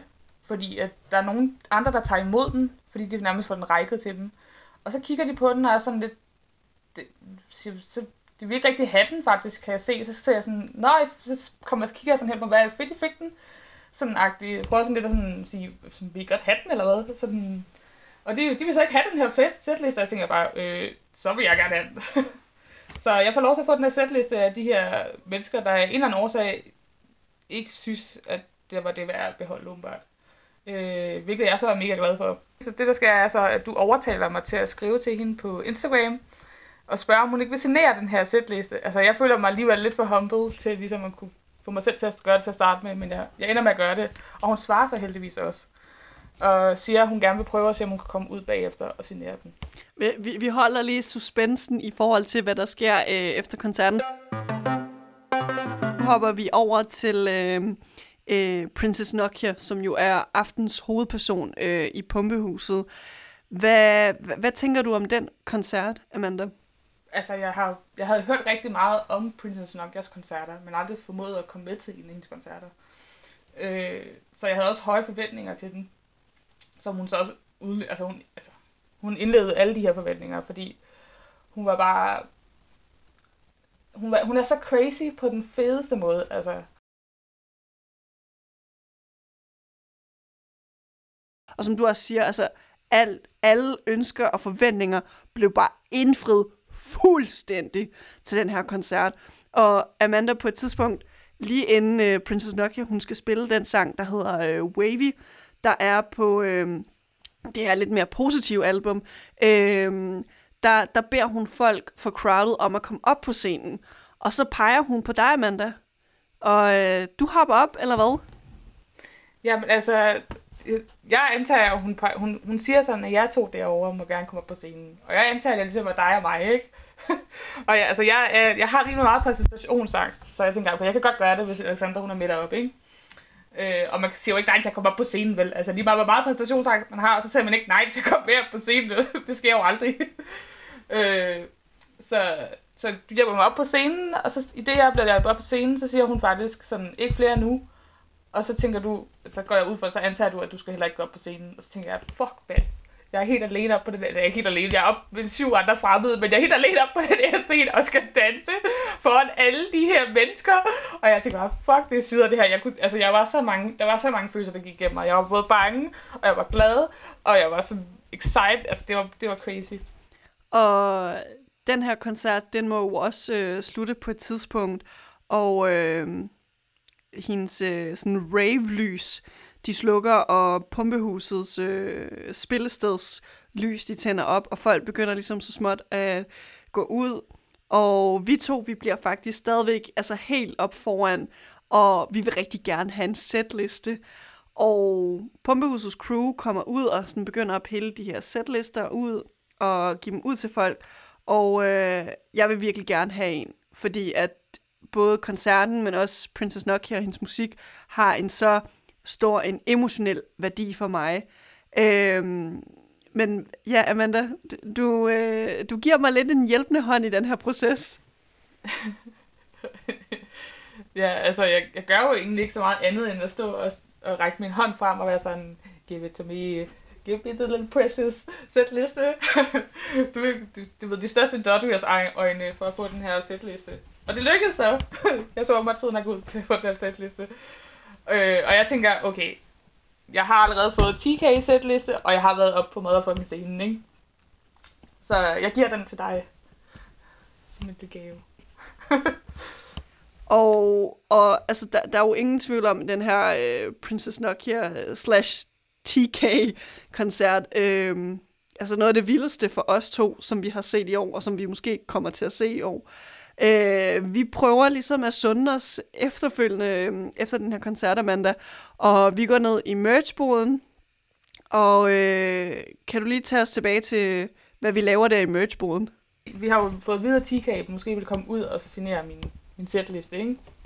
Så vi venter her i merchboden på, den her, på, at hun kommer ud. Vi ser på, hvad her det Princess Nokias øh, merch, og for at være ærlig, så var det ikke særlig sprødt, som du selv sagde tidligere. øh, men TK har den her ene t-shirt, som hun der bare er mega fed. Altså, den, er sådan, den har bare de her sådan rigtige 90'er vibes over sig. Med bling bling og det hele på. Ja, jeg sidder og kigger på den lige nu. Og den, øh, sådan som den ser ud, det er, at der er faktisk en øh, lille, lille smule glimrende ramme, hvor inde i den her ramme, der er 10K gange 2 med glimrende øreringen. Og så, er der, så står der 10K med stor, stor fed skrift øverst. Så den er ligesom sådan photoshoppet sammen, kan man forestille sig. Øh, som vi så begge to køber. Men vi bliver så hængende efter at have købt den her t-shirt, og sådan... Og han, ham der, der står og sælger de her t-shirts, han er sådan lidt, hvad fanden laver de, mand? Hvorfor bliver de bare stået der og glor? Øh, så spørger han så sådan, hvad, var det jeg, der skulle have sådan, signeret sådan en sætliste? Skal jeg, ikke, skal jeg ikke bare gå ud med den til hende? Og så er vi sådan, helt sikkert, det må du gerne. Øh, fordi hun har bare ikke tid til at komme ud. Eller det, det antager vi i hvert fald. Øh, så hun tager, han tager den med ud til hende, og jeg får den tilbage igen. Og udover at hun har signeret den, så har hun også skrevet en lille hilsen til mig på den. Hun har skrevet, uh, thank you so much for the love, og så står der TK, og så står der see you soon. Så det er rigtig sødt. Øh, Og da vi så forlader pumpehuset, så står vi øh, lige ved øh, deres ligesom, indgang til pumpehus backstage, inden vi sådan, skal skilles for aften. Og øh, vi får øje på TK's DJ, DJ Ludo. Og Amanda, vi tager fat i hende. Og hvad sker der så? Jamen, vi tager jo fat i hende og siger sådan... siger- Vi siger først, jeg tror faktisk bare, vi siger hej til hende, og sådan tak, for- tak for et fedt show. Og skal sådan lidt til at gå, men så siger hun sådan... Var det ikke jer, der fik sådan signeret en, øh, en setliste? Sådan, men øh, uh, TK, hun kommer ud lige om lidt. Skal jeg ikke lige gå ind og hente hende, så hun kan sige hej til jer? Og, sådan. og vi tænker bare sådan, okay, helt sikkert, det vil vi rigtig gerne. Øh, så hun kommer ud til os, og hun har det her kæmpe store smil på igen, som hun også havde på scenen. Og man kan bare se, hvor taknemmelig hun er for, at vi kan lide det, hun laver. Øh, vi får lov til at give hende et kram, og vi får lov til at øh, ja, bare lige spørge ind til, hvordan turen har været og sådan noget. Og så, øh, slutter aftenen af faktisk bare med, at vi får lov til at kramme 10K, hvilket er mega fedt. Og når du øh, nu ser eller tænker tilbage på hele den øh, koncertaften i starten af marts i, øh, i Pumpehuset, hvad, hvilke tanker går igennem dit hoved, Amanda? tænker tilbage på det, så tænker jeg tilbage på, hvordan det faktisk var, altså det var, der var så mange følelser med i hele den, hele den aften til den koncert der. Altså, selvom, selv hvis vi ikke havde oplevet alt det her med at få en sætliste og hvad ved jeg, så var det bare, det, det betyder bare vildt meget. Fordi udover, på en måde så er det sådan, det er sådan bittersødt på en eller anden måde, fordi det var vildt rart at slutte af på en virkelig fed koncert, men samtidig har den også bare gjort en endnu mere ked af det over, at man ikke kan komme til koncert igen. Altså, jeg har haft så mange drømme om koncerter. Jeg tror ikke engang, du fatter det. Altså, alle mærkelige koncerter, jeg har været til i min drømme, som jeg vågner op og sådan, Nå, okay, jeg kan ikke komme til koncert. Øh, men altså, det, det, var sgu, det var sgu fedt, og det var fedt at opleve det sammen med dig. Fordi vi begge to bare er så hype, når vi er til koncerter. Vi er bare game on. altså, og der er ikke nogen af os, der dømmer hinanden for at være mega fangirl. Det er bare sådan, det må vi gerne være. Vi må gerne bare skrige så meget vi kan, og græde så meget vi kan, og gribe alt, hvad vi kan på scenen. Amanda, du skal have tusind tak for, at du vil øh, være med i min øh, Pitten Special, hvor jeg inkluderede øh, alle, jeg har været i Pitten med det, det sidste års tid. Nu hvor vi har snakket om øh, Kim Petras og Princess Nokia øh, koncerterne, vi var til her i starten af 2020, så jeg kan ikke beskrive, hvor meget jeg glæder mig til, at vi to sammen skal øh, i Pitten til øh, flere fysiske live-koncerter. Og øh, du har faktisk også øh, valgt et, øh, et Princess Nokia-nummer fra, fra det her lidt øh, dystre øh, nye album, øh, sangen Gross. Amanda, når du lytter til det, hvad, hvad, hvad er der fedt ved det nummer? Jeg kan rigtig godt lide sådan lidt, nu er jeg også meget til dystert musik ud. Jeg kan rigtig godt lide popmusik, men jeg kan også godt lide meget dyster musik.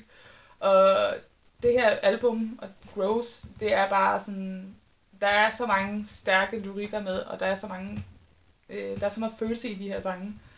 Og de er sådan ret empowering på en eller anden måde.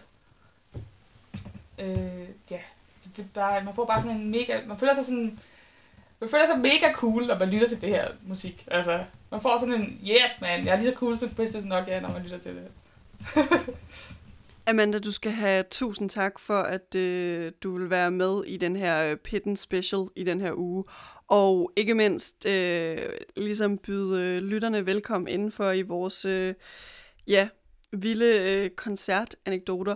Og til dig, kære lytter, tusind tak, fordi du har lyttet med, og jeg håber, du har fået noget inspiration til øh, ny lækker musik, du kan give til dine ører. Og øh, Pitten er selvfølgelig tilbage igen næste uge. Mit navn er Alexander Milanovic, og vi ses i Pitten.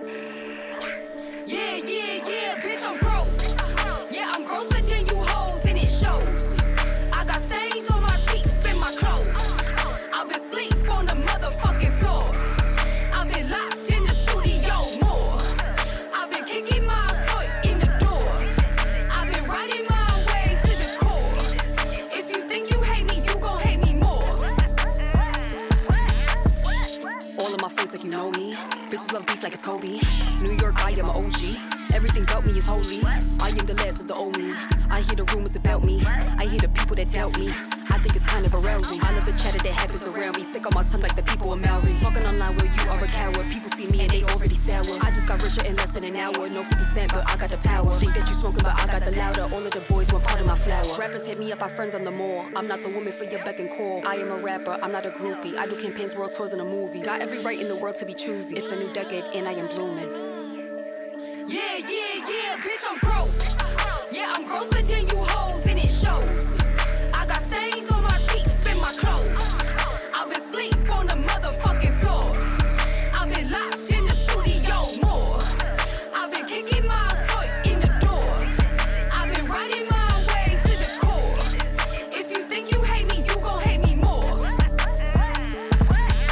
This pussy hocus pocus.